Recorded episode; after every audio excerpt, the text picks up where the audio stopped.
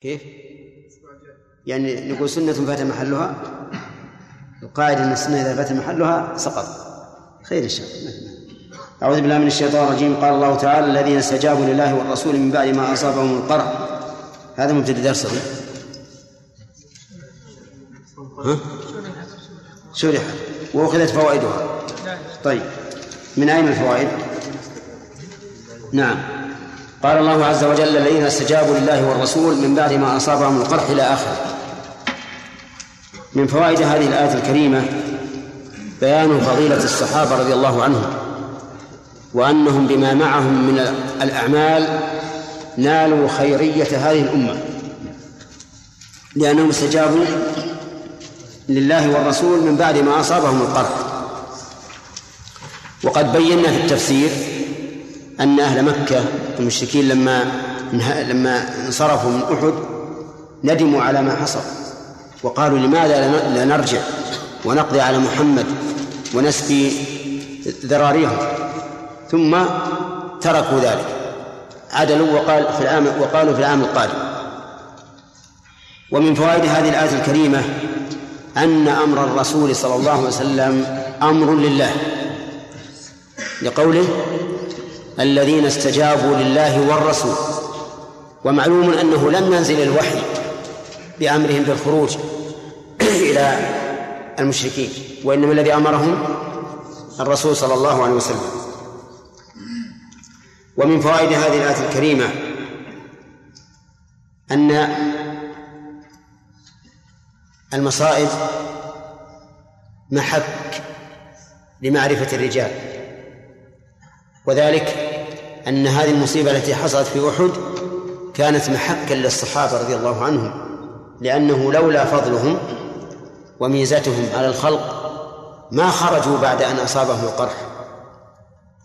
ومن فوائد هذه الآية الكريمة أن ما عملوه فهو من الإحسان لقوله للذين أحسنوا منهم واتقوا أجر عظيم.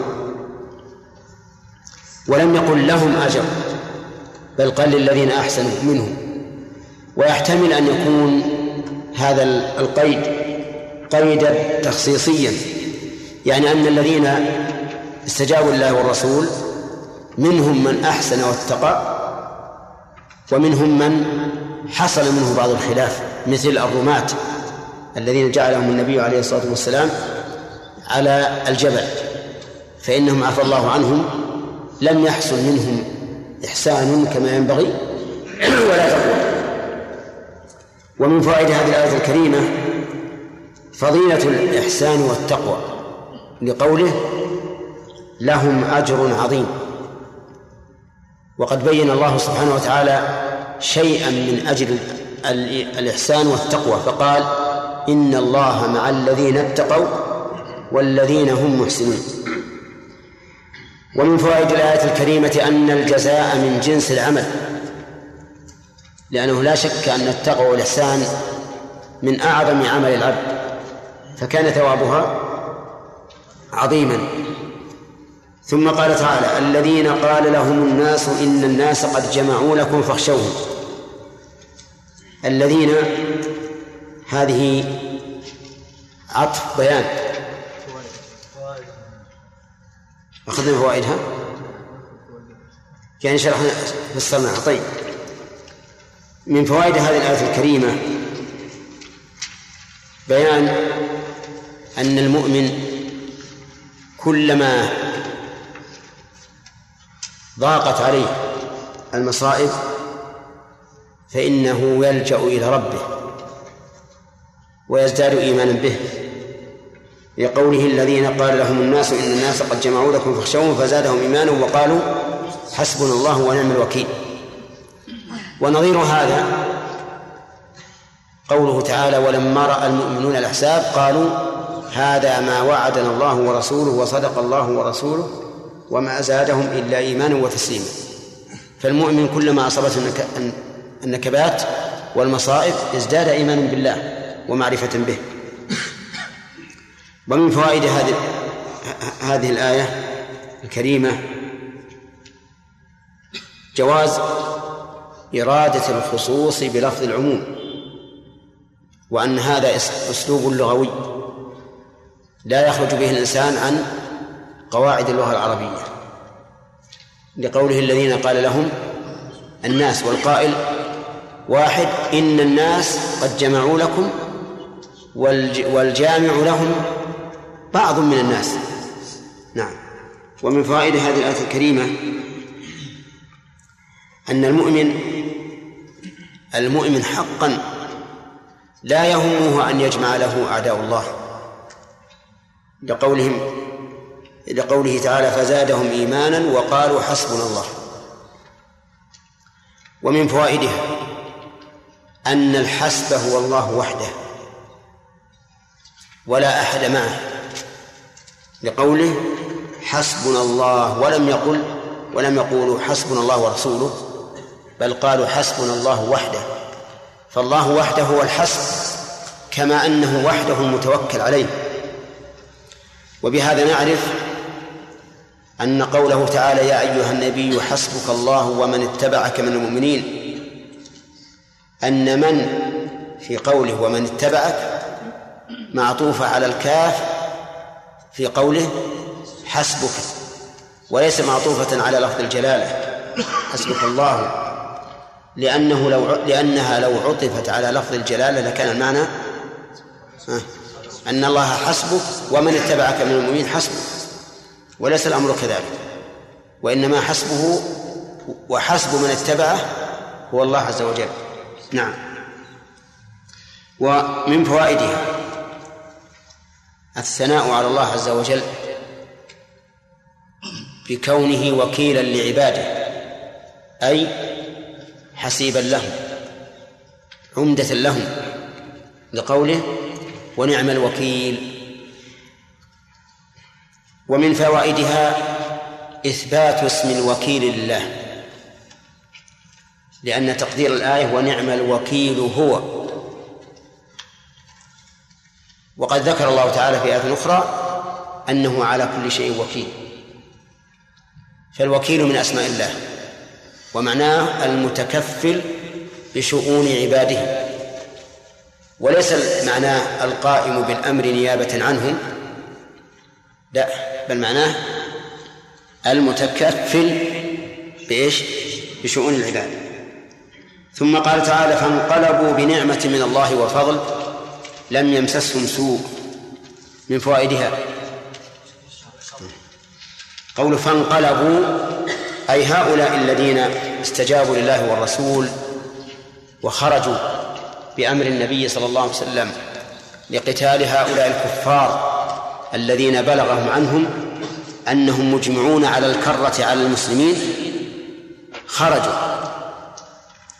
فلما بلغوا ما بلغوا من الطريق بلغوا حمراء الأسد وجدوا المشركين قد ذهبوا قد ذهبوا. لأن المشركين صرفهم الله وقالوا نرجع في العام القادم. يقول عز وجل فانقلبوا بنعمة من الله وفضل. انقلبوا يعني عائدين إلى المدينة بعد أن وصلوا إلى إلى حمراء الأسد. انقلبوا بنعمة من الله. ما هذه النعمة؟ النعمة أنهم سلموا من ملاقاة العدو ولم يحصل حرب. لماذا؟ لأن العدو مضى في سبيله ولم يرجع. وأما قوله وفضل ففسرت بأن المراد به فضل الجهاد وأن الله كتب لهم بهذه بهذا الخروج أجر غزوة كاملة. فسلموا من الحرب ونالوا ثواب المجاهدين. وقوله لم يمسسهم سوء أي لم يصبهم ما يسوءهم.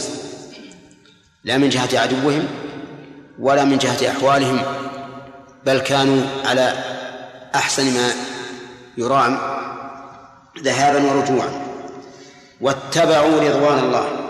فيها قراءة رضوان ورضوان بضم الراء وكسرها. ومن اتبعوا رضوان الله اتبعوا ما يرضي الله عز وجل. بماذا؟ بالاستجابة للرسول صلى الله عليه وسلم بالاستجابة لله ورسوله. فإن الاستجابة لله ورسوله سبب لرضا الله عز وجل. أسأل الله يجعلني وإياكم ممن رضى عنه. نعم. رضوان الله. والله ذو فضل عظيم. والله ذو فضل بمعنى صاحب فضل عظيم على العباد في الدنيا والآخرة. ومنه أن تفضل على هؤلاء بأن انقلبوا بنعمة من الله وفضل لم يمسسهم سوء. من فوائد هذه الآية الكريمة فضيلة هؤلاء الذين استجابوا لله والرسول بما أصابهم من الثواب.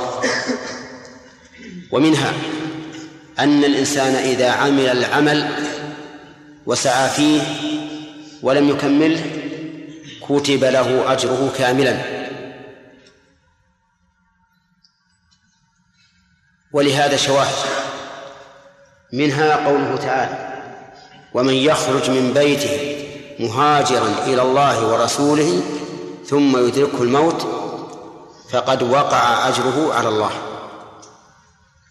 ومنها قول النبي صلى الله, صلى الله عليه وسلم من مرض أو سافر كتب له ما كان يعمل صحيحا مقيما. فالإنسان إذا سعى في العمل ولكنه لم يدركه فإنه يكتب له أجره كاملا حتى طالب العلم. لو مات قبل أن يدرك ما يريد من العلم فإنه يكتب له ما نوى لأنه شرع فيه وعمل ما يقدر عليه فيناله الأجر. ومن فوائد هذه الآية الكريمة إثبات الرضا لله. من أين يؤخذ؟ من قوله رضوان رضوان الله. والرضا صفة من صفات الله. الحقيقية. وهي من الصفات إيش؟ الفعلية. لماذا؟ لأن القاعدة عند السلف أن كل ما يتعلق بمشيئة الله من الصفات فهو صفة فعلية والرضا يتعلق بمشيئته. كل صفة معلقة بسبب فإنها بلا شك تتعلق بالمشيئة. فرضوان الله معلق بإيش؟ بفعل ما يرضيه. وعلى هذا فتكون هذه الصفة متعلقة بمشيئته. أرأيتم ماذا يفسر أهل التعطيل رضا الله؟ يفسرونه بالثواب بالثواب لأن الثواب شيء منفصل بائن عن الله ما هو من صفاته؟ مخلوق مفعول. أو يفسرونه بإيش؟ بإرادة الثواب لأنهم يثبتون الإرادة. أما الرضا نفسه فإنهم لا يثبتونه ولا شك أن هذا أعني تفسير الرضا بإرادة الثواب أو بالثواب نفسه. لا شك أنه تحريف للكلم عن مواضعه. ويا سبحان الله كيف يثبت الله لنفسه أنه رضي ونحن نقول لا؟ رضي يعني أتى أتى. أو رضي يعني أراد أن يثيب. أنحن أعلم بالله من نفسه؟ أبدا والله ما, ما نحن أعلم إذن نحن نثبت الرضا لله حقيقة وأنه صفة من صفاته الفعلية التي تتعلق بمشيئته. ولكن هل رضاه كرضانا؟ لا. لقوله تعالى ليس كمثله شيء وهو السميع البصير. فكما أن سمعه وبصره وحياته وعلمه وقدرته لا لا تماثلها قدر المخلوقين وكذلك هو لا يماثل المخلوقين فكذلك الرضا والفرح والعجب وغيره. ومن فوائد هذه الآية الكريمة إثبات اتصاف الله عز وجل بالفضل العظيم العظيم في كميته العظيم في كيفيته. أما في كيفية في كميته فإن الله يقول وإن تعدوا نعمة الله لا تحصوها. وجعل جزاء الحسنة عشرا إلى سبعمائة إلى أضعاف كثيرة. وأما في كيفيته فقد قال الله عز وجل فلا تعلم نفس ما أخفي لهم من قرة أعين جزاء بما كانوا يعملون. ثم قال الله تعالى إنما ذلكم الشيطان يخوف أولياءه. إنما أداة حصر. والحصر عند العلماء إثبات الحكم للمحصور فيه ونفيه عما سواه. إذن فهو بمنزلة نفي وإثبات. وله طرق. يعني الحصر ليس له طريق واحد فقط له طرق. منها إنما ومنها تقديم ما حقه التأخير ومنها النفي والإثبات مثل لا قائم إلا زيد ومنها إذا كانت الجملة اسمية معرف طرفاها إذا كانت الجسم الجملة اسمية معرفا طرفاها نعم. وهذا معروف في كتب البلاغة. إنما ذلك الشيطان يخوف أولياءه يعني ما الشيطان إلا مخوف لأوليائه. وقوله ذلكم تضمن إشارة أي. رحمك الله أي مشارا إليه ومخاطبا. تضمن إشارة ومخاطبة. الإشارة ذلكم ذا والمخاطب الخطاب الكاف. الإشارة بحسب المشار إليه والكاف بحسب المخاطب. فإذا طلبنا من خالد النزال أن يشير إلى جماعة مخاطبا جماعة من الذكور.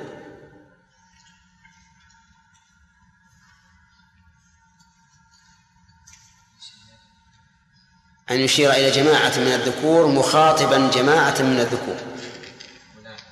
ها؟ أولئك؟ لا. أولئكم. لأن المشار إليه جماعة. أولئك. والمخاطب جماعة. تأتي بالميم. كذا. وإذا طلبنا من خليل أن يشير إلى جماعة ذكور مخاطبا جماعة إناث. نعم. أن يشير إلى جماعة ذكور مخاطبا جماعة إناث.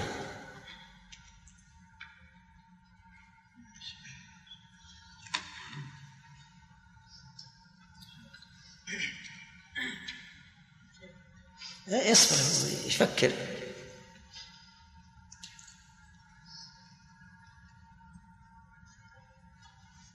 عبد الملك. أن يشير جماعة الذكور مخاطبا جماعة إناث أولئكن. أولئكن. هكذا يقول. صح؟ نعم صحيح. صحيح. صحيح. أولئك مشار إليه جماعة ذكور كنا النون للنسوة. أولئكن. ها؟ لا لا. مشددة طيب. إذا معناه لازم نأخذ تمارين ما دام المسألة هكذا. طيب أشر إلى اثنين مخاطبا اثنتين. خالد. أشر إلى اثنين مخاطبا اثنتين. ها؟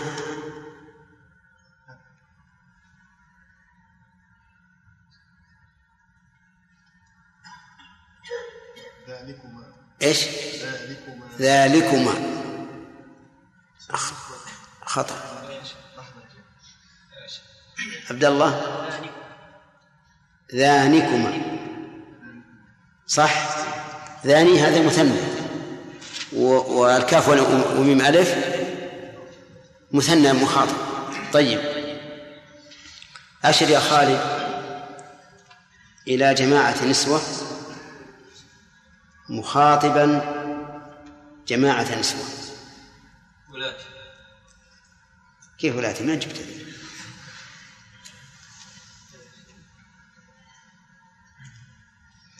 لا تستعجل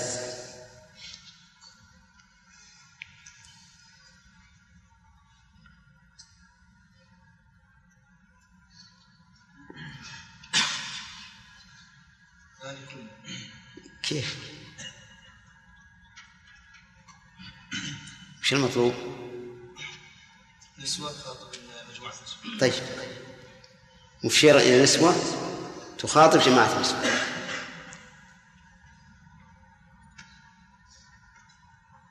أولئكن إيش تقولون؟ صحيح؟ أولئكن طيب. يلا يا فؤاد. أشر إلى مثنى مؤنث إلى مثنى مؤنث مخاطبا جماعة ذكور؟ إيش تين؟ لماذا نصبت تين؟ ها؟ ها؟ ثانكم صح؟ صحيح لا صحيح مثنى مثنى مؤنث إيه تاني. إيه المخاطب. جماعة ذكور صح. طيب على كل حال انتبهوا يا جماعة. اسم الإشارة يراعى به إيش؟ لا. يراعى به المشار إليه. والكاف يراعى بها المخاطب. في اللغة العربية ثلاث لغات. اللغة الأولى أن يراعى المخاطب إفرادا وتثنية وجمعا مذكرا ومؤنثا. فتقول ذلك مخاطبا رجل واحد ذلك امرأة واحدة ذلكما مخاطبا اثنين ذكور أو إناث ذلكن مخاطبا جماعة نسوة ذلكم مخاطبا جماعة ذكور. فالكاف تتبع المخاطب اسم الإشارة يتبع المشار إليه. أنا قلت في اللغة العربية بالنسبة للكاف ثلاث لغات. الأولى أن يراعى المخاطب في الكاف. وتحول إلى حسب المخاطب. الثاني أن تكون بالكاف بالكاف المفردة. مفتوحة في المذكر مكسورة في المؤنث. فتقول مخاطبا جماعة الذكور ذلك مخاطب اثنين؟ ها؟ ذلك. مخاطبا واحد. ذلك. في النسوة كاف مفردة لكن مكسورة. تقول ذلك تخاطب امرأة واحدة. ذلك تخاطب امرأتين. ذلك تخاطب جماعة نسوة. هذه كم لغة؟ لغتان. الثالثة فتح الكاف مطلقا. فتقول لأي واحد خاطبه تقول ذلك وهذا باعتبار المبتدئين ها؟ أسهل. افتح الكاف ولا, قلتك أحد قل هذه لغة نعم. طيب. يقول عز وجل إنما ذلكم وش راعى هنا. راعى في اسم الإشارة. المخ... المشار إليه وهو الشيطان واحد.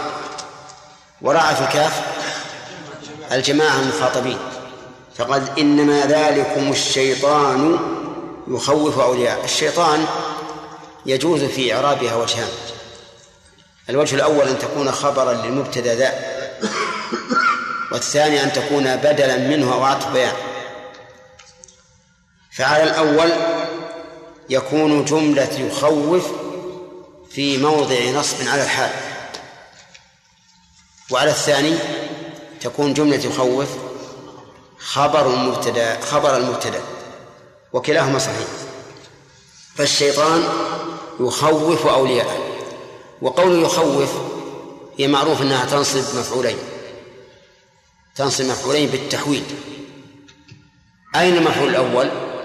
المفعول الأول محذوف وتقديره يخوفكم أولياءه وأولياء هنا هي المفعول الثاني وليس المعنى أنه يخوف أولياءه المعنى أنه يخوف الناس من أوليائه. فيكون المعنى يكون على هذا المفعول الأول محذوف والثاني هو الموجود والتقدير يخوفكم أولياء أي يعظمهم في صدوركم حتى تخافوهم. وتترك الجهاد وتترك الدعوة لأنكم تخافون منه بسبب تخويف الشيطان. وقول أولياءه من أولياؤه؟ أولياء الشيطان كل مجرم وفاسق وملحد وكافر. هؤلاء هم أولياء الشيطان. كما قال تعالى لا تجد قوما يؤمنون بالله واليوم الآخر لا قبله. يقول الله عز وجل ألا إن حزب الشيطان هم الخاسرون. أولئك حزب الشيطان ألا إن حزب الشيطان هم الخاسرون. فكل كافر ملحد فاجر فهو من أولياء الشيطان. وقوله فلا تخافوهم أي لا يؤثر فيكم تخويفه تخويفه فتخافون منه وخافوني إن كنتم مؤمنين. لا تخافوهم فيؤثر عليكم هذا بترك الجهاد. وخافوني فلا تتأثروا بهم وجاهدوا ولا هم منكم إن كنتم مؤمنين هذه إن شرطية وقد مر علينا أن لعلماء العربية فيها وجهان. الوجه الأول أنها جملة شرطية لا تحتاج إلى جواب لأنه مفهوم مما سبق. وهذا اختيار ابن القيم رحمه الله. والثاني أنها تحتاج إلى جواب وأن جوابها محذوف معلوم مما سبق.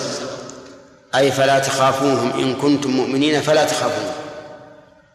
طيب في هذه الآية الكريمة بيان شدة عداوة الشيطان لبني آدم حيث يرعبهم ويخوفهم بأوليائه.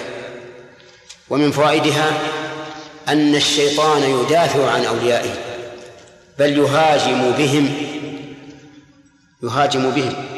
لقوله يخوفكم أولياءه ومن فوائدها أنه يجب على المؤمن أن لا يخاف من أولياء الشيطان لقوله فلا تخافوهم وخافوني إن كنتم مؤمنين.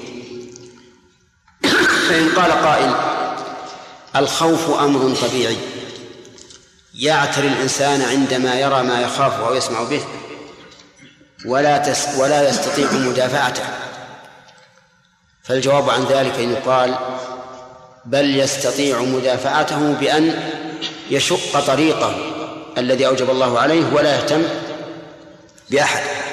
وإلا فمن المعلوم أن طبيعة الإنسان الخوف مما يكره. لكن نقول امضي لسبيلك ولا تلتفت.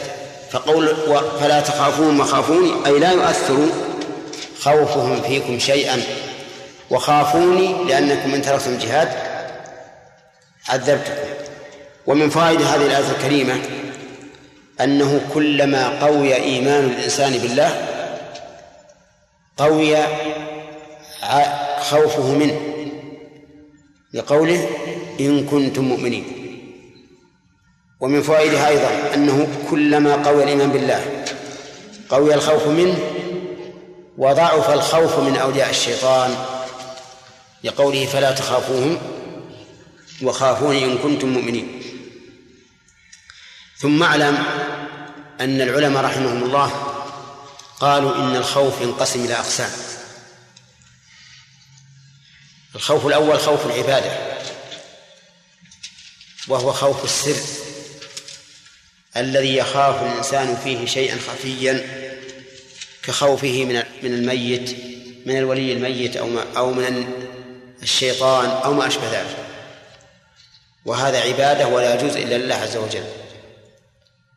الثاني خوف طبيعي يعتري الإنسان بسبب وجود ما يخاف ما يخاف منه وهذا لا يلام عليه العبد إلا أن يكون سببا في ترك واجب أو وقوع في محرم وإلا فإن العبد لا, لا يلام عليه.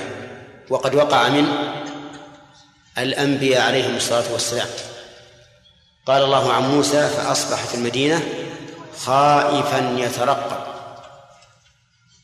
وقال وقال وقال سبحانه وتعالى يخاطب موسى حينما ألقى عصاه فإذا فإذا هي حية تسعى قال خذها ولا تخف. وقال عن موسى حينما اجتمع السحرة له قال فأوجس في نفسه خيفة موسى. وقال عن إبراهيم لما جاءت الملائكة ولم يأكلوا. نعم. فلما رأى أيديهم لا تصل إليه نكرهم وأوجس منهم خيفة. قالوا لا تخف. والآيات في هذا كثيرة فالخوف الطبيعي من طبيعة الإنسان ولا يلام عليه العبد. إلا إيش؟ إذا تضمن ترك واجب أو فعل محرم. القسم الثالث خوف الجبناء. خوف الجبناء. وهذا هو المشكل. الجبان يخاف من كل شيء. حتى لو حركت الريح سعفة لقال هذا صوت مدافع. لماذا؟ لأنه جبان. لأنه جبان. ولهذا لا لا, لا يأتيه النوم. كما قال تعالى فيما سبق ثم أنزل عليكم من بعد الغم آمنة نعاسا هذا القسم الثالث يجب على المؤمن أن يطارده ما أمكن. أن يطارده ما أمكن. لأن المؤمن ليس بجبان. المؤمن قوي. ومن أكبر أسباب دفعه أن يذكر الإنسان ربه عز وجل. فإن بذكر الله تطمئن القلوب وتزول الكروب وينشرح صدر المرء ويزول ويزول عنه الخوف والرعب والذعر. فهذه أقسام الخوف. كم؟ خوف عبادة وخوف طبيعة وخوف جبن نعم. طيب. ومن فوائد هذه الآية الكريمة أن الخوف من مقتضيات الإيمان ومستلزماته لقوله إن كنتم مؤمنين. ثم قال تعالى ولا يحزنك الذين يسارعون في الكفر. في قوله يحزنك قراءتان القراءة الأولى يحزنك من الثلاثي حزنه يحزنك والقراءة الثانية يحزنك من الرباعي أحزنه. ولا يحزنك الذين يسارعون في الكفر أي يسارعون إليه ولكنه عد يسارع بفي إشارة إلى أن هؤلاء يسارعون إلى الكفر ويتوغلون فيه. انتبه. وهذا من باب التضمين. وقد مر علينا أن علماء النحو اختلفوا فيما إذا عج الفعل بغير الحرف المعتاد. فقال بعضهم إن التجوز في إيش؟ في الحرف. وقال بعضهم إن التجوز في الفعل. والفرق بين القولين أنه على القول الأول نحول معنى الحرف الموجود إلى الحرف المناسب للفعل. وعلى الثاني نحول الفعل إلى المعنى المناسب للحرف. فهمتم يا جماعة؟ وأوضح مثال من ذلك. قوله تعالى عينا يشرب بها عباد الله. المعروف أن يشرب تتعدى بمن؟ وهنا تعدت بالباء. فقال بعض النحويين الباء بمعنى من. والتقدير يشرب منها عباد الله. وقال بعض العلماء يشرب بمعنى يروى. يروى. ومعلوم أن أن الري يستلزم الشرب. فتكون يشرب هنا دالة على على معنى الشرب باللزوم وعلى الري. ويكون هذا أبلغ مما لو قلنا يشرب منها. لأن الإنسان قد يشرب ولا يروى وهذا الأخير هو مذهب نحاة البصر أي أنهم يجعلون أي أنهم يحولون الفعل إلى معنى إيش؟ مناسب للحرف ليكون الفعل دالا على معناه اللفظي وعلى معناه التضمني أو المعنى اللزومي. طيب. نعم محمد.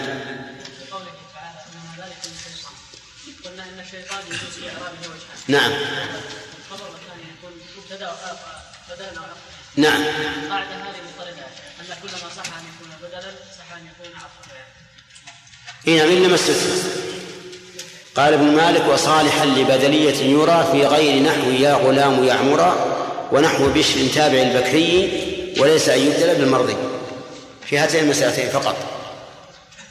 نعم. إيش؟ قاطع طريق نعم. ولم يخرج إلى صلاة الجماعة. ترك واجب هل يلام على ذلك؟ هل الخوف محقق؟ طيب إذا كان محققا فإن الجماعة تسقط عنه. وحينئذ؟ لا لا يكون ترك واجب. ما دام ما دامت ما دام وجوب الجماعة يسقط بالخوف بقي الآن غير واجب عليه نعم. نعم. نعم. نعم. الجبن بارك الله فيك نوعان.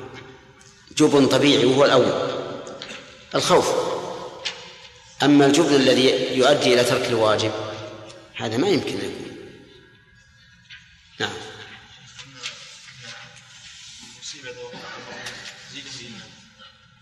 كذلك إذا وقعت يلجأ إلى الله. نعم.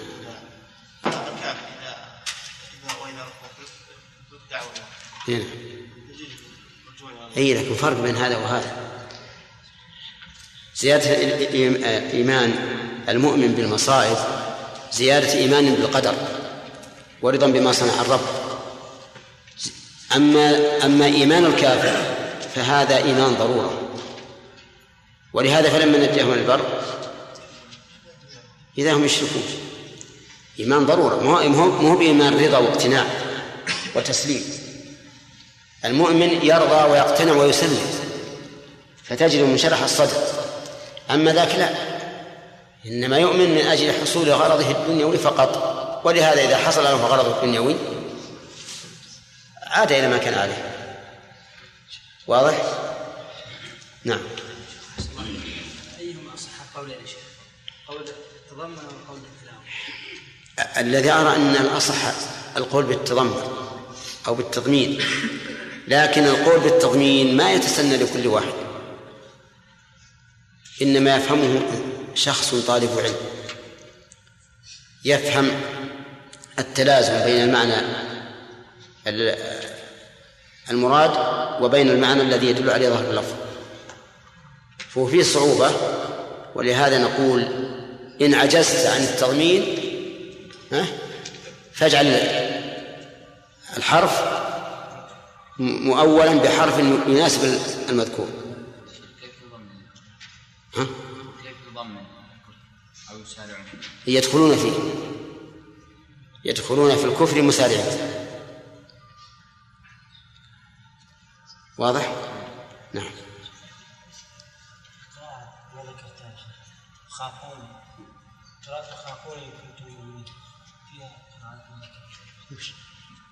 لي وخافون تحقيق ما هي ما ذكر بفتحها تحقيق اليوم فتحها وخافوني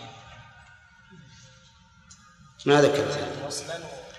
ما ذكرت. يعني حذف الياء.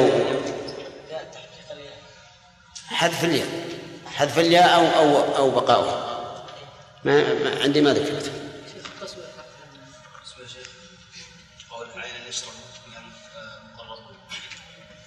إذا استبدلنا حرف الباء من صح عين يشرب منه المقرب طيب إذا استبدلنا يشرب بمعنى يروى. عينا يروى بها.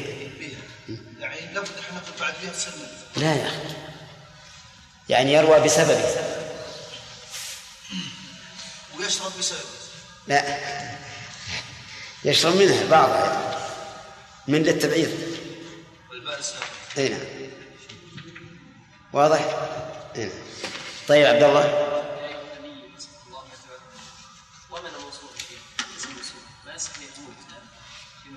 يصلح يصلح يعني ومن اتبعك المؤمن حسبه. حسبهم الله يصلح كان معطوف على الكاف هل يجوز العطف على ضمير المشهور؟ إيه كيف؟ يجوز. يجوز مع الفاصل قولا واحدا. مع الفاصل يجوز قولا واحدا. أما مع مع المنفصل ففيه خلاف. والصحيح الجواز. واتقوا الله الذي يتساءلون به. ها؟ نعم. والحامي. وكفر به.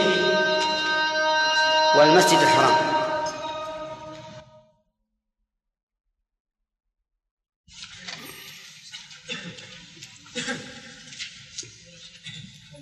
اقرأ. إيش؟ إيش؟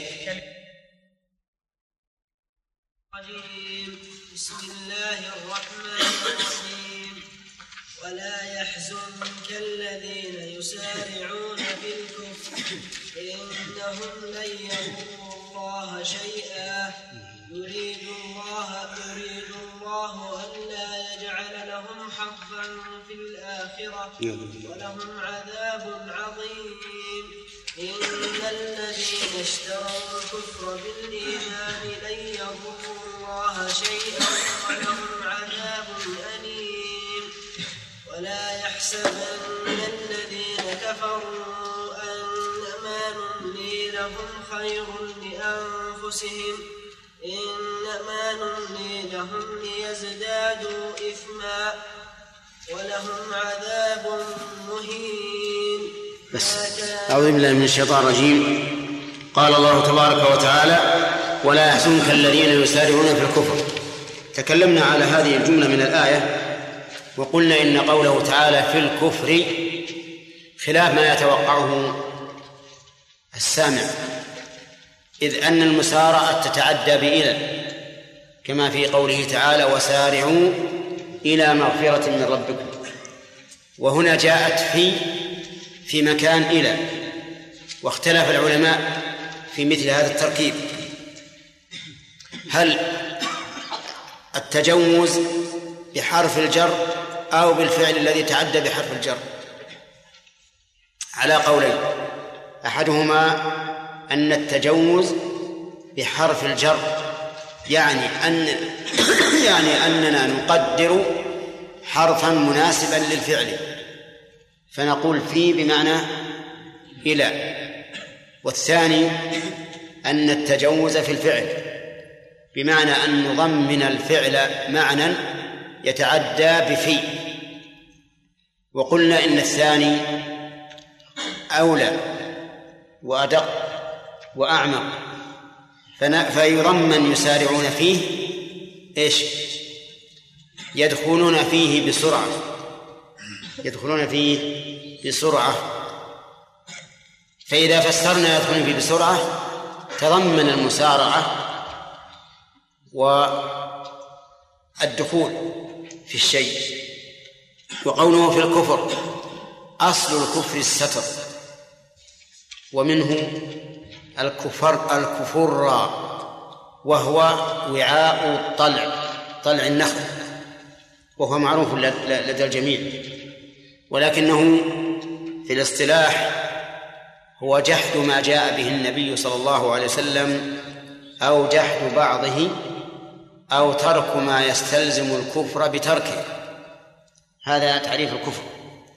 جحد ما جاء به النبي صلى الله عليه وسلم ولو حرفا واحدا من كتاب الله. نعم. أو جحد بعضه ولو حرفا واحدا من كتاب الله. أو ترك العمل الذي يستلزم تركه الكفر. يعني مثل الصلاة. فتركها كفر وإن لم يجحد وجوبها.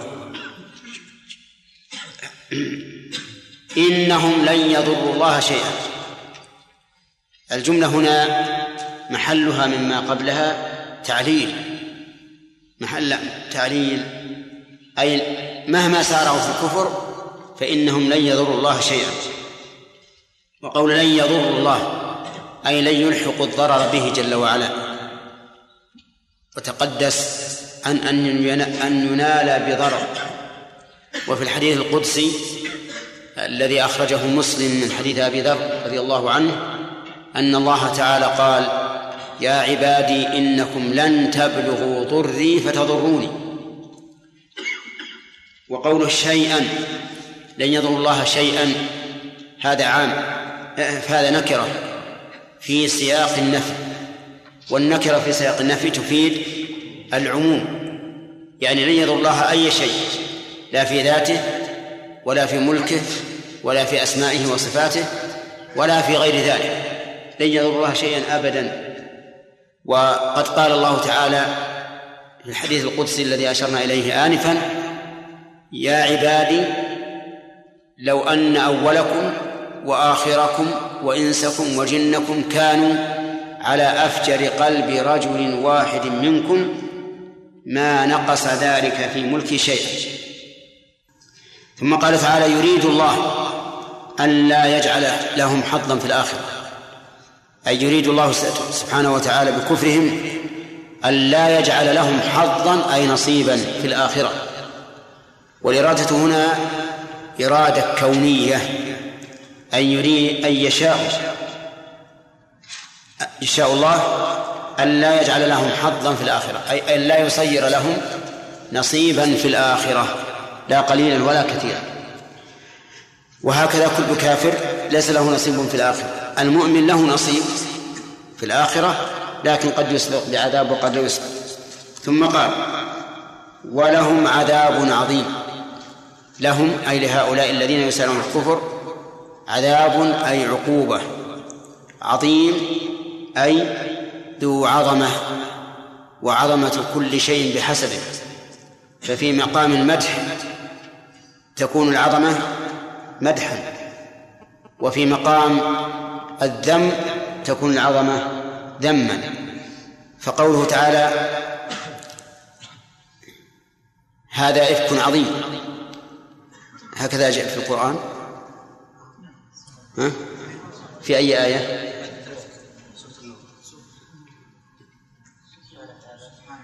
هذا بهتان عظيم. سبحانك هذا بهتان عظيم. كلمة عظيم هنا من باب الذم. ولها عرش عظيم من باب المدح. المهم من العظم في كل موضع بحسب قد يكون مدحا وقد يكون ذما.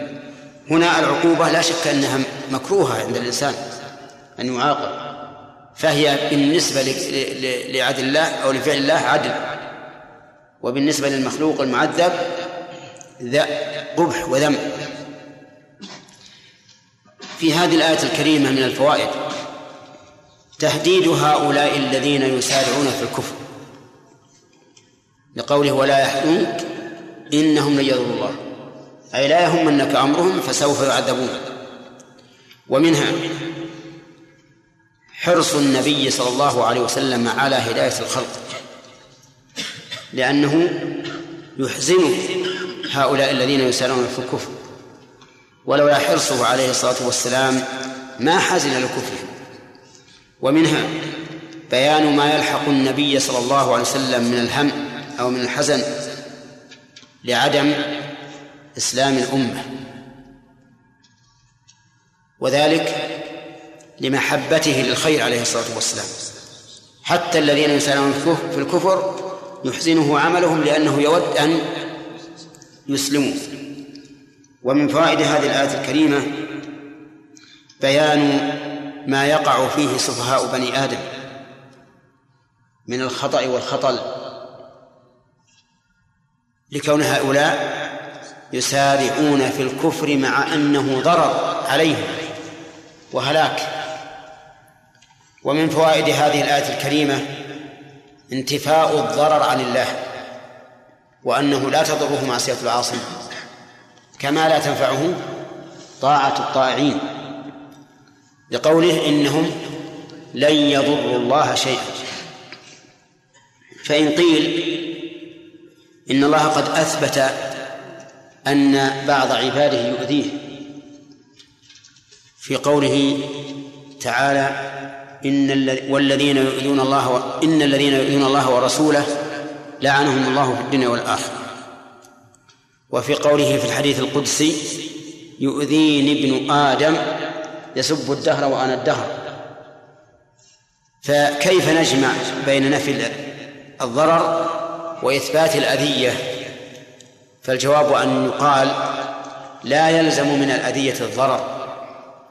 فقد يتأذى الإنسان بالشيء ولا يتضرر به. أرأيت لو صلى إلى جانبك أو جلس إلى جانبك رجل قد أصل أكل بصلا وثوما فإنك تتأذى بما معه أو برائحته ولكن لا تتضرر ولكن لا تتضرر فلا يلزم من الأذية الضرر وحينئذ لا معارضة بين إثبات بين نفي الضرر عن الله عز وجل وإثبات الأذية ومن فوائد هذه الآية بيان غنى الله عز وجل عن كل من سواه لقوله إنهم لن يضروا الله شيئا. ومن فوائدها إثبات الإرادة لله عز وجل لقوله يريد الله أن لا يجعل لهم حظا في الآخرة. وقد قسم العلماء إرادة الله تعالى إلى قسمين إرادة كونية وإرادة شرعية. فالكونية هي ما يتعلق بفعله والشرعية ما يتعلق بشرعه. الكونية بمعنى المشيئة. والشرعية بمعنى المحبة الكونية يلزم فيها وقوع المراد والشرعية لا يلزم فيها وقوع المراد أفهمتم؟ فإذا الفروق كم؟ ثلاثة الأول أن الإرادة الكونية تتعلق بفعله والثانية بشرعه ثانيا الكونية بمعنى المشيئة والشرعية بمعنى المحبة. الثالث الكونية يلزم فيها وقوع المراد والشرعية لا يلزم. طيب فإذا قال قائل ما تقولون في إيمان أبي بكر؟ أهو مراد بالإرادة الكونية أو الشرعية. والجواب الأخ. الذي وراك يا سليم. أي نعم. إرادة كونية وشرعية. صحيح؟ صحيح. لأنه وقع بالإرادة الكونية ولأنه متعلق بالشرع بما يحبه الله. طيب وما تقول في إيمان أبي لهب؟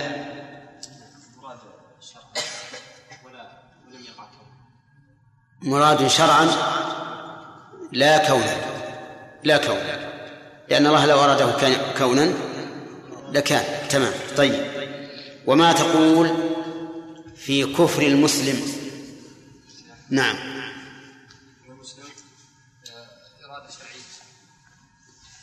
هل هو مراد الله أو لا؟ أول شيء يكون مسلم ثم يكفر؟ أي أي, أي نعم. إرادة كونية. كونية. لا هو الآن مسلم. ما تقول في كفره يعني هو الآن مسلم. نعم.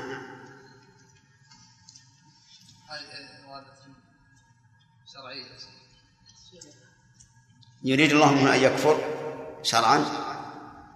الشرع لا. يلزم التحقق. طيب المهم الآن هذا مسلم.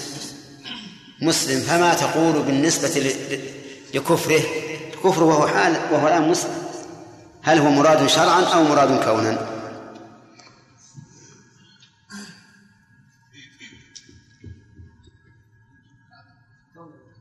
كون.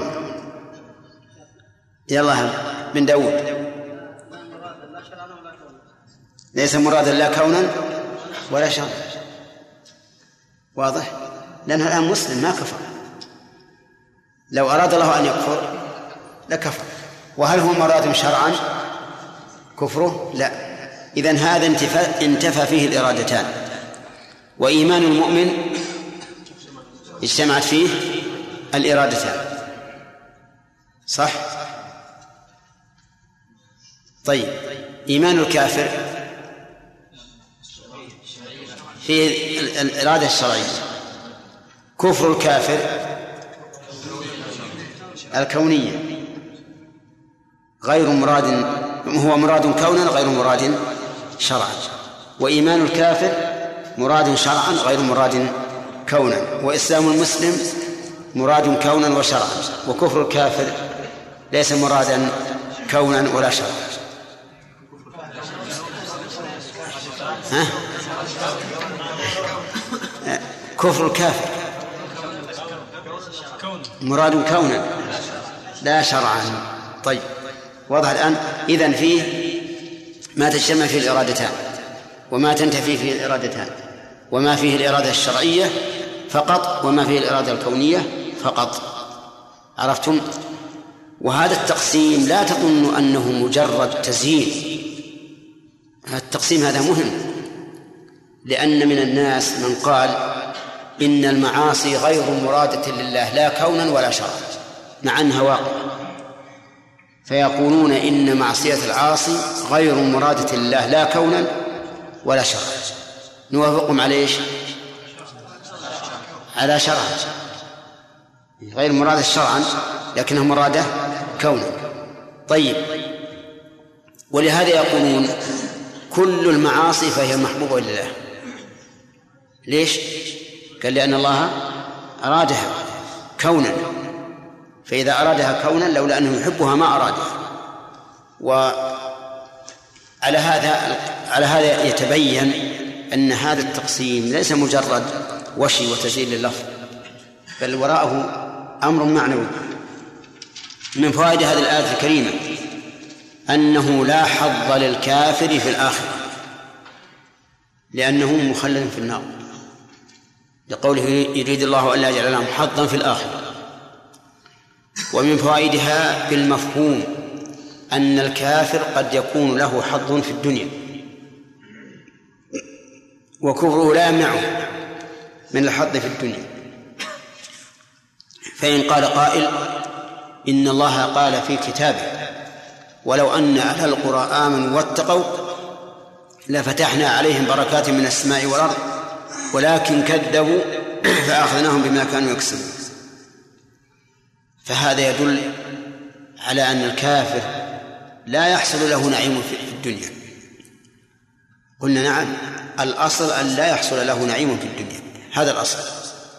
لكنه قد ينعم استدراجا كما قال تعالى والذين كفروا سنستدرجهم من حيث لا يعلمون وأملي لهم إن كيدي متين. ومن فوائد هذه الآية الكريمة إثبات الآخرة وأنها حق وأن وأن الناس ينقسمون فيها إلى قسمين منهم من له نصيب ومنهم من لا نصيب له. لقوله في الآخرة ومن فوائدها إثبات العقوبة لهؤلاء الكفار. فليس حظهم أن لا يجدوا حظا في الآخرة بل لا يجدون حظا في الآخرة ومع ذلك يعذبون. ليس ليت الأمر أن يحرموا من النعيم أو من الحظ والنصيب بل الأمر أشد. ولهذا يقولون يا مالك ليقضي علينا ربك نستريح وقال الذين كفروا في النار لخزنة جهنم. إيش؟ ادعوا ربكم. وقال الذين كفروا إيش؟ لخزنة جهنم. ادعوا ربكم يخفف عنا يوما من العذاب. نسأل الله العافية.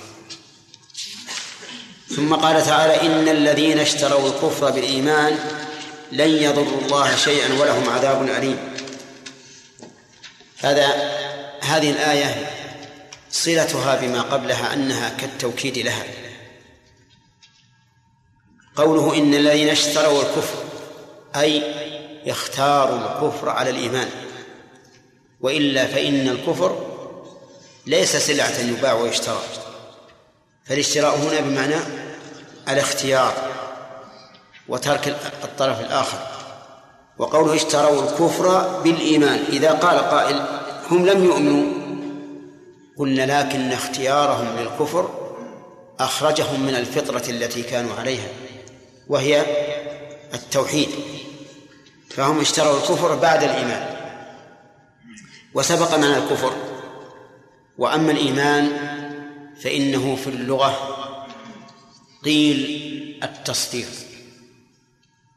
واستدلوا لذلك بقوله تعالى وما أنت بمؤمن لنا. وقيل الإقرار والإقرار أخص من التصديق واستدل هؤلاء بأن بأن الكلمة إذا كانت بمعنى الكلمة فلا بد أن تتعدى بما تتعدى به. ومن المعلوم أن الإيمان لا يتعدى كما يتعدى التصديق. فإنك تقول صدقته ولا تقل آمنته. لا تقل آمنته إذن فليس معناهما واحدا بل معنى الإيمان الإقرار وهذا في اللغة. أما في الشرع فهو الإقرار المستلزم للقبول والإذعان. الإقرار المستلزم للقبول والإذعان. ليس مجرد الإقرار بإيمان بل لا بد من أن يقبل ما جاء به الرسول ويذعن له. ولهذا لم يكن أبو طالب مؤمنا مع أنه مقر بما جاء به الرسول صلى الله عليه وسلم. لكنه لم يقبله ولم يذعن له فلم يكن مؤمنا.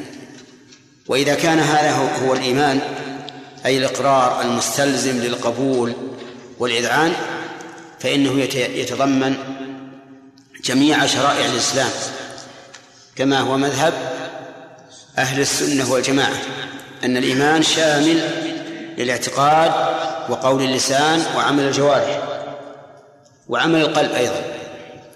عمل القلب والجوارح وقول وقول اللسان واعتقاد القلب أربعة أشياء كلها من من الإيمان.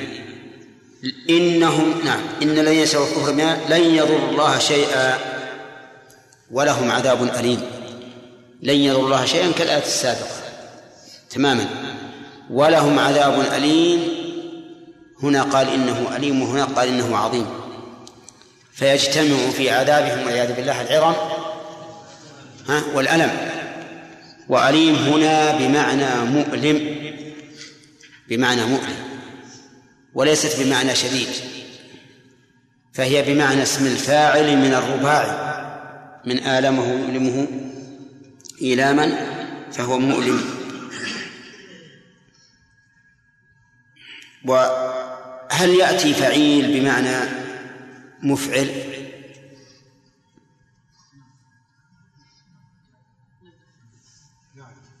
مثاله.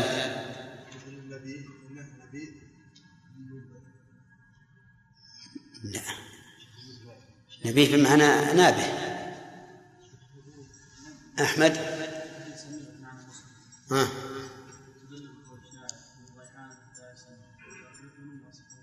أي نعم. صح.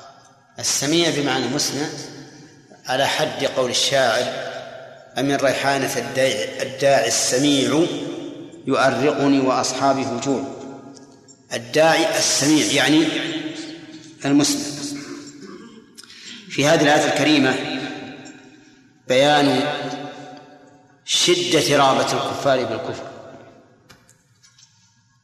لأنهم اشتروه اشتراء والمشتري طالب للسلعة نعم. فهم يأخذونها والعياذ بالله عن رغبة يأخذون الكفر عن رغبة ومن فوائد الآية الكريمة بيان خسران هؤلاء. حيث أخذوا الكفر بدلا عن الإيمان. وهذه أخسر صفقة على وجه الأرض. أن يأخذ الإنسان الكفر بالإيمان طائعا طيبة به نفسه والعياذ بالله.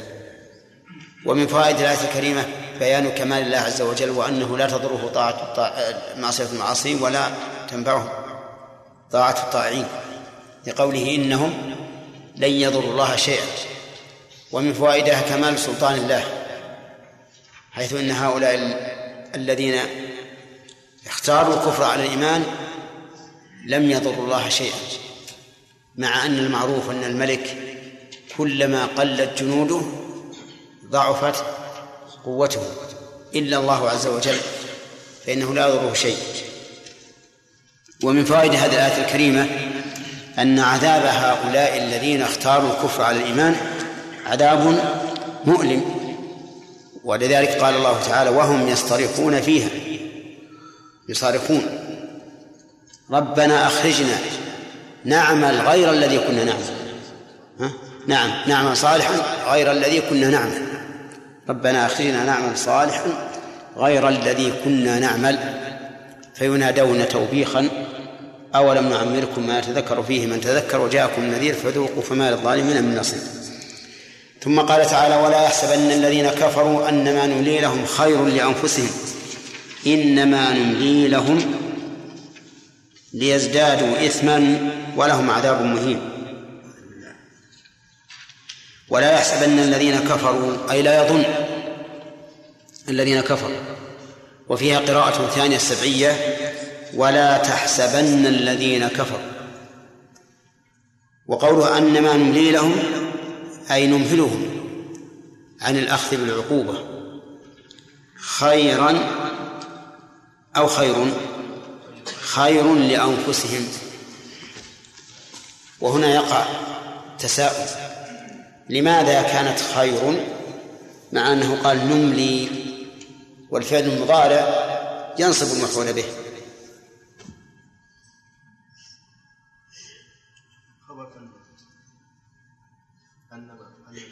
أن أن ما نريده. لكن أنما هنا ما اسم موصول ولا أن ما حرف حصر؟ ما اسم موصول اسم اسم إيه نعم صح. إذن يكون التقدير أن الذي نملي لهم خير.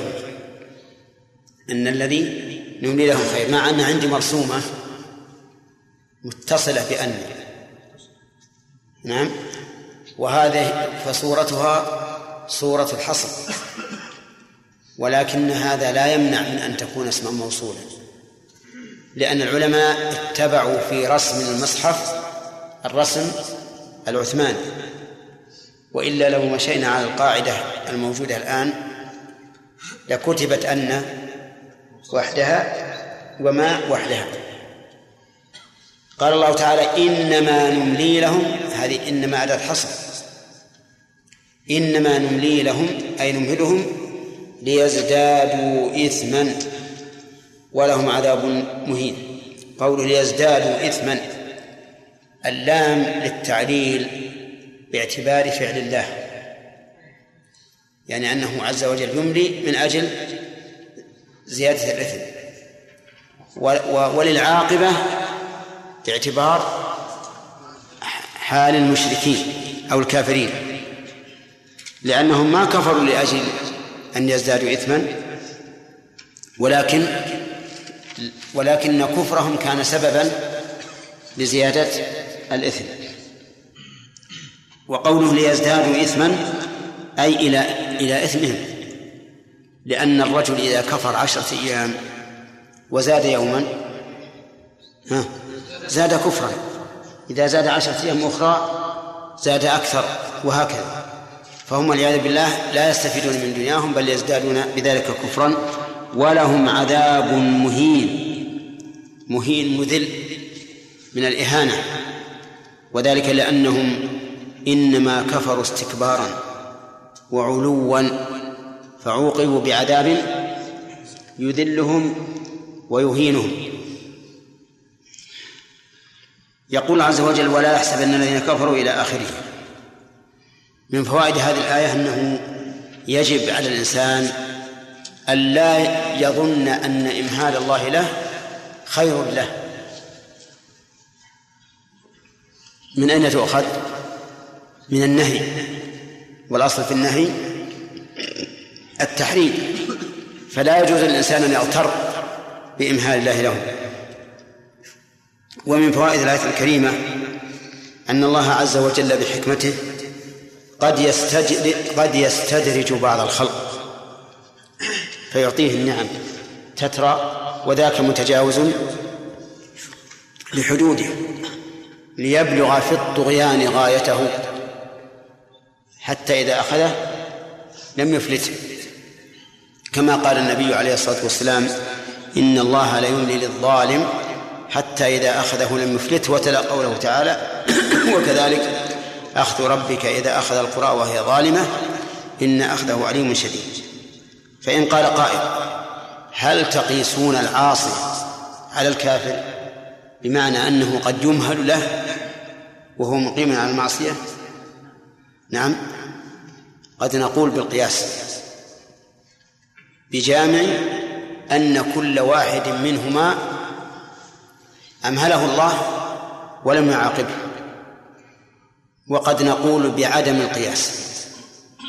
وذلك لأن الكفر أعظم من من الفسوق. ولكن من من رجع إلى ظاهر القرآن تبين له أنه حتى الفاسق ربما يمهل له. لقوله تعالى ولو أن أهل القرى آمنوا واتقوا لفتحنا عليهم بركات من السماء والأرض ولكن كذبوا فأخذناهم بما كانوا يكسبون. طيب من فوائد هذه الآية الكريمة؟ أنه يجب على الإنسان أن يعتبر في عمره وهل وهل هو قد أمضاه في طاعة الله؟ فليبشر بالخير. وإن أمضاه في معصية الله والله تعالى يدر عليه النعم فليعلم, أن هذا إيش؟ استدراج. نعم فليعلم أنه أنه استدراج. ومن فوائد هذه الآية الكريمة الإشارة إلى أن الإنسان قد يغتر بظواهر الحال ولو كان من المتقين. ولا يحسبن الذين كفروا أنما نملي لهم خير لأنفسهم. إنما نملي لهم ليزدادوا إثما. فالإنسان قد يغتر بظاهر الحال ويقول إن الله لم ينعم علي نعمة إلا لأنني أهل. كما قال قارون إنما أوتيته على علم عندي. طيب من فوائد الآية الكريمة إثبات زيادة الآثام. بقوله ليزدادوا إثما فتدل بالمفهوم على زيادة الإيمان. كذا؟ لأنه إذا زادوا إثما فما نقص؟ عن الإثم كان زيادة في الإيمان. ولهذا قال أهل السنة إن الإيمان يزيد بالطاعة وينقص بالمعصية. ومن فوائد هذه الآية الكريمة إثبات العقوبة المذلة لهؤلاء. لقوله ولهم عذاب مهين. ومن فوائدها أيضا أن الجزاء من جنس من جنس العمل. فإن هؤلاء لما استكبروا على الخلق وعلوا عليهم أذلهم الله. ثم قال انت الوقت. ترى أنا ما معي ساعة. ها؟ خلاص؟ طيب يا أخوي إيش؟ تاتي بدون تعدي بالباء وصدق تاتي بتعدي بالباء مثل والذي جاء بالصدق وصدق به نعم ونقول مثلا الله اقر فعل الرسول الاشكال الذي يرد بالنسبة للتصديق والايمان هو نفسه اتى مع الاقرار لا يا أخي نعم أقره غير أقر به. أقره يعني لم ينكر عليه. وأقر به. اعترف به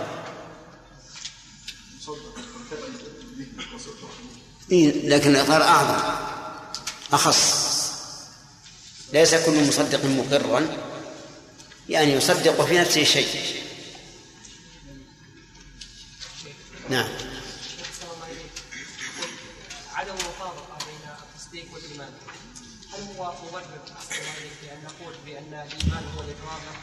هل هل هو؟ يعني عدم المطابقة اي وإذا كان هو كذلك فما الجواب عن قوله وما أنتم مؤمنين لنا؟ وإيش؟ الجواب عن قول عن قول ابناء يعقوب اي نعم. اي واضح لأنه مصدق. هنا مؤمن بمعنى مصدق. فالإيمان إذا تعدى باللام صار بمعنى التصديق. صار مع التصديق بالله اي بالله طيب أقول أحسن الله يكون عدم المطابقة بين الايمان والتصديق نعم. يعني هل تجعلنا نقول بأن الايمان لا يتم مع التصديق؟ إي نعم نعم. الإيمان المعدى بالباء كما هو الإيمان بالله وملائكته إلى آخره. لا يطابق الإيمان بالتصديق. إي نعم.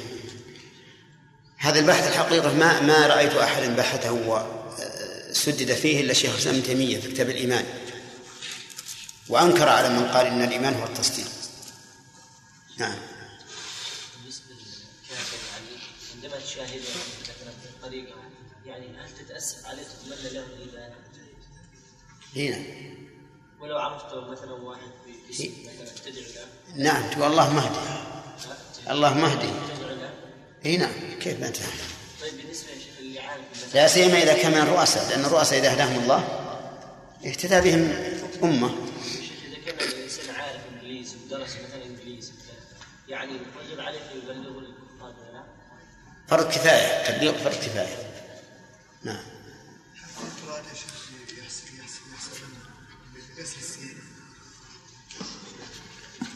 ما أعرف اللي عندي ما ما ذكرت. كسر السين يقول تحسبن بس. الشهادات ذاك ثلاثة ثلاثة قراءه برضه بالفتح يقول لي عندي ما في. ها ما هي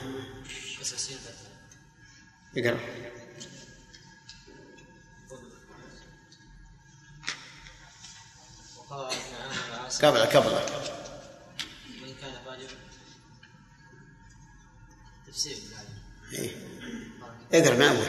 وقوله تعالى ولا يحسبن الذين كفروا انما نملي لهم خير لأنفسهم إلا طول العمر وغرض العيش. والمعنى لا يحسبن هؤلاء الذين يخوفون المسلمين فإن الله قادر على إهلاكهم وإنما يطول أعمارهم ليعملوا بالمعاصي.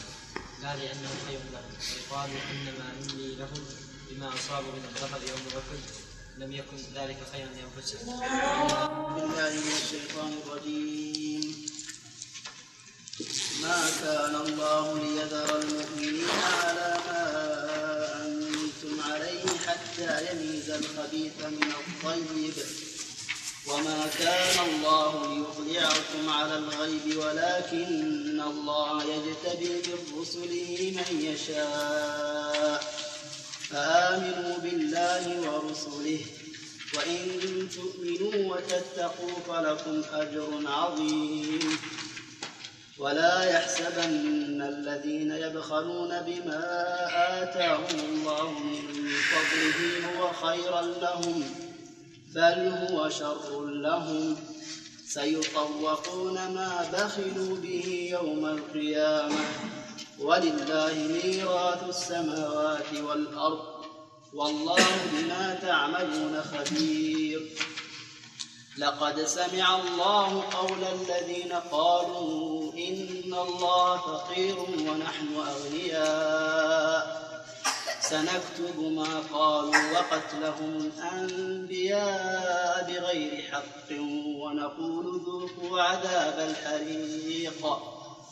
ذلك بما قدمت أيديكم وأن الله ليس بظلام للعبيد. أعوذ بالله من الشيطان الرجيم. قال الله تبارك وتعالى ولا يحسبن الذين كفروا. هذا مبتدأ المناقشة نعم.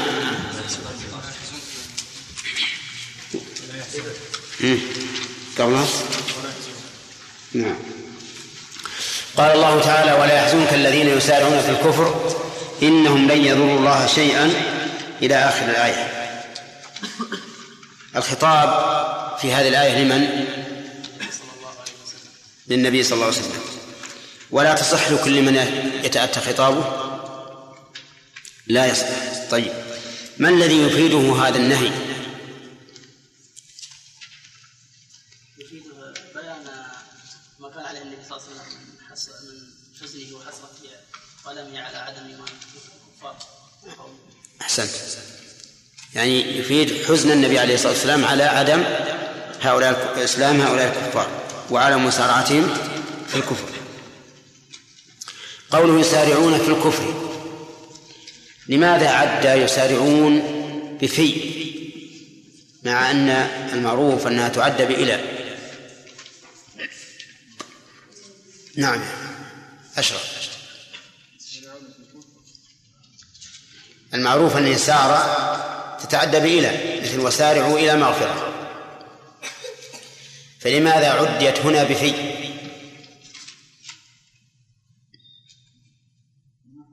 ما حضرت. قد يكون معي شيخ إنه إذا وصلوا الكفر سارعوا فيه فازدادوا منه وهم كفار. لكن كيف نخرج؟ يعني أنها عدت بفي مع أن أنها تعد بإلى سارعوا فيه فازدادوا منه وهم في- فيه يسارعون في الكفر أي هم كفار ويزدادون كفر. ما هو واضح. الظاهر أنك تريد معنى لكن لم تستطع التعبير عنه. سليم. نعم آه. مر علينا في الدرس إن إن في معنى معنى إيه؟ في بمعنى إلى. أحسنت. هذا وجه. الثاني.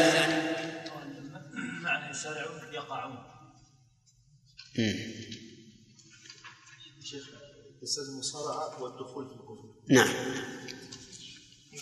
يعني إذن التضمين هنا بالفعل لا بالحرف. على المعنى الأول التضمين بالحرف ضمن معنى إلى. وعلى الثاني التضمين في الفعل. طيب أي- أيهما أفصح خالد؟ أفصح. يتضمن المعنى وزيادة. طيب هل لك أن تأتي بمثال سوى هذا يوضح الموضوع؟ نعم. عينا يشرب بها عباد الله؟ يشرب تتعدى بإيش؟ في الأصل؟ بمن؟ طيب. وهنا عدت بالباء. خرجها على منها هذا وجه. يعني الباء ضمنت معنى من آه.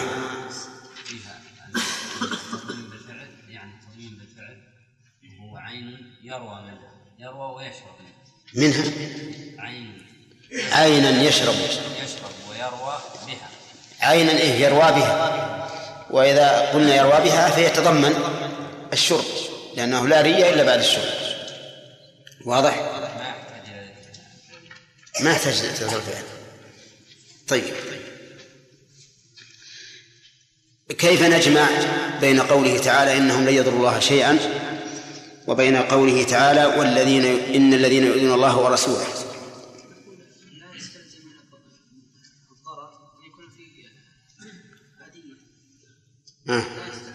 آه. ضرر نعم لا يستلزم من الأذية أن يكون فيها ضرر قد يتأذى الإنسان بشيء ولا ولا يتضرر به. مثل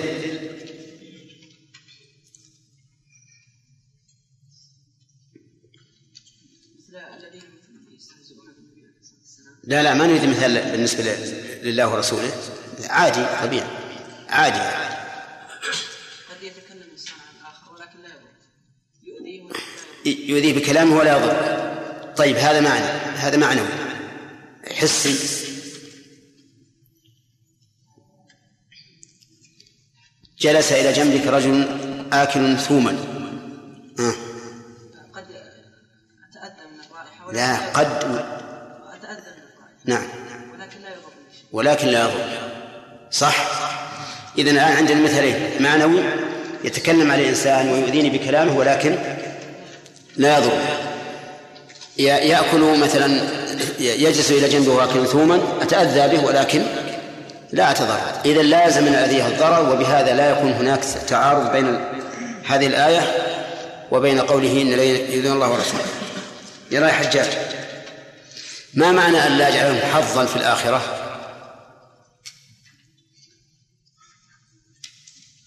طيب. نصيبا. كلمة حظا هنا هل هي للعموم ولا للخصوص؟ للعموم بأي بأي طريق كان العموم هنا؟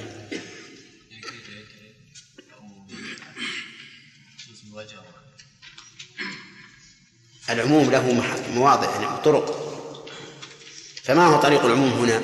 أي ما هو التركيب الذي استفدنا منه العموم؟ لا يا أخي جاءت في سياق لأن نكرة جاءت في سياق النفي. والقاعدة عبيد الله؟ ما تعرفها؟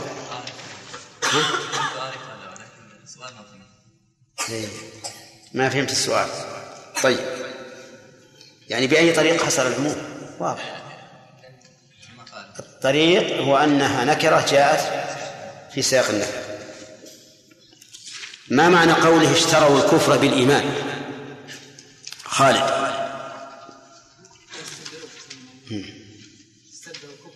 يعني أخذوا الكفر بديلا عن عن الإيمان. طيب.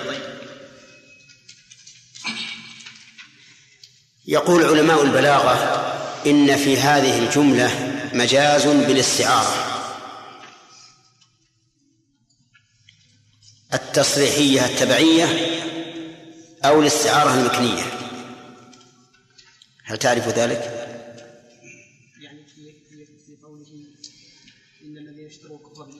نعم.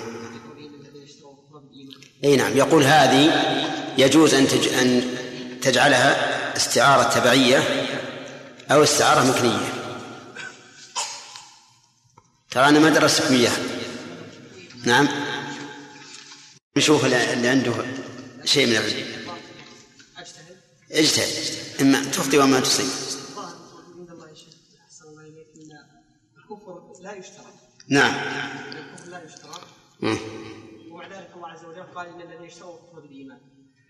هذه استعارة يعني كأنه وضع الكفر شبه. شبه الكفر بالشيء الذي يشترط بالسلعة تشترى.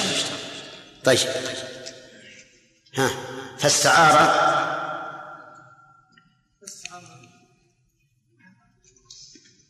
فاستعاره الكفر الكفر بدل الإيمان. فحذف المشبه به. ورمز إليه بشيء من لوازمه؟ الظاهر ما عندكم علم بالبلاغة. زكي؟ اي شبه الكفر بالسلعة التي تباع وتشترى. وحذف المشبه به. اي نعم. لكن رمز إليه بشيء من اللوازم وهو الشراء طيب هذا على أنها مكنية. على أنها تصريحيه تبعية. آه، حذف المشبه وهو الكافر الذي اشترى لا. التص- التصريحيه التبعية معناه أنها تجرى الاستعارة بالفعل أو باسم الفاعل يعني بشيء مشتق. فهنا اشتروا بمعنى اختاروا. فشبه الاختيار بالشراء ثم اشتق من لفظ الشراء اشتروا على سبيل الاستعارة التصريحية التبعية. عرفتم؟ نعم. اتركوها ما دام ما ما, أنا ظننت إن فيه دراسة سابقة. طيب.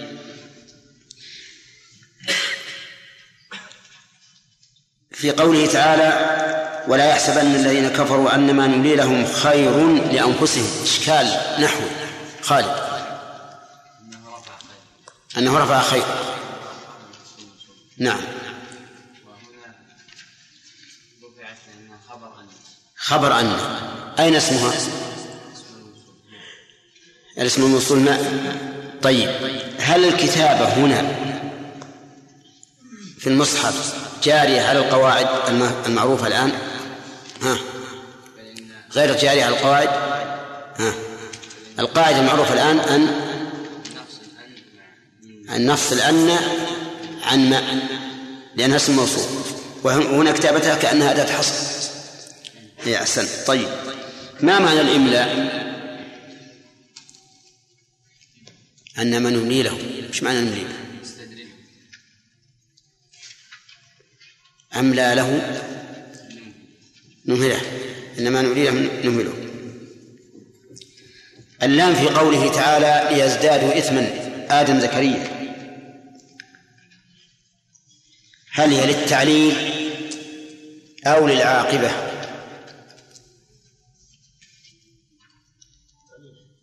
تعليل. يعني أن الله أمهلهم من أجل زيادة الإثم. فيكون الله تعالى قد أراد بهم شرا.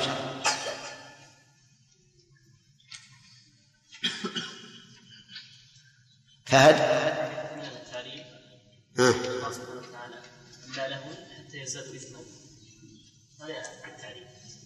أو أنها العاقبة مع أنهم لم يكفروا حتى يزدادوا إثما وإنما الكفر كان أو الإنهار كان سببا في زيادة.